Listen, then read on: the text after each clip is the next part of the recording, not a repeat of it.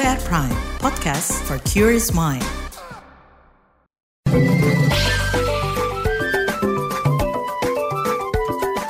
What's up Indonesia?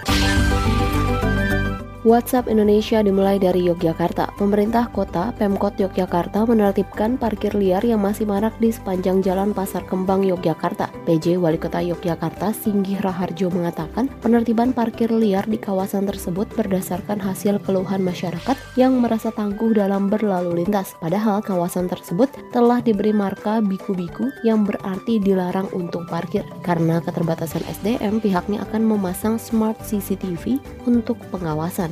Selanjutnya menuju Jakarta, dokter spesialis anak yang juga menjabat sebagai Ketua Ikatan Dokter Anak Indonesia IDAI, Piprim Basara, menjelaskan kasus viral bayi menstruasi. Dokter Piprim mengatakan bayi bisa mengalami menstruasi, namun keluar darah dari area intim bayi tidak menunjukkan bayi tersebut telah mengalami masa subur dan bisa bereproduksi.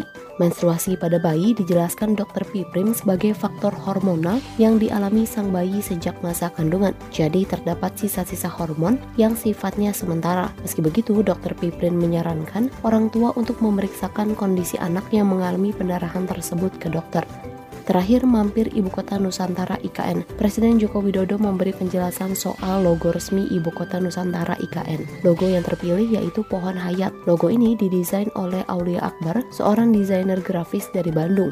Jokowi mengatakan logo pohon hayat menjadi identitas visual bagi IKN. Kata dia, logo ini didapatkan dari proses sayembara dengan pemilihan terbanyak. Jokowi menjelaskan pohon hayat merupakan pohon kehidupan. Dengan logo itu, dia berharap IKN bisa menjadi tempat baru yang menjadi sumber kehidupan bagi masyarakat Indonesia. Sebelumnya, Istana telah melakukan voting terhadap 5 logo finalis. Proses jajak pendapat sudah ditutup 20 Mei 2023. Demikian WhatsApp Indonesia hari ini.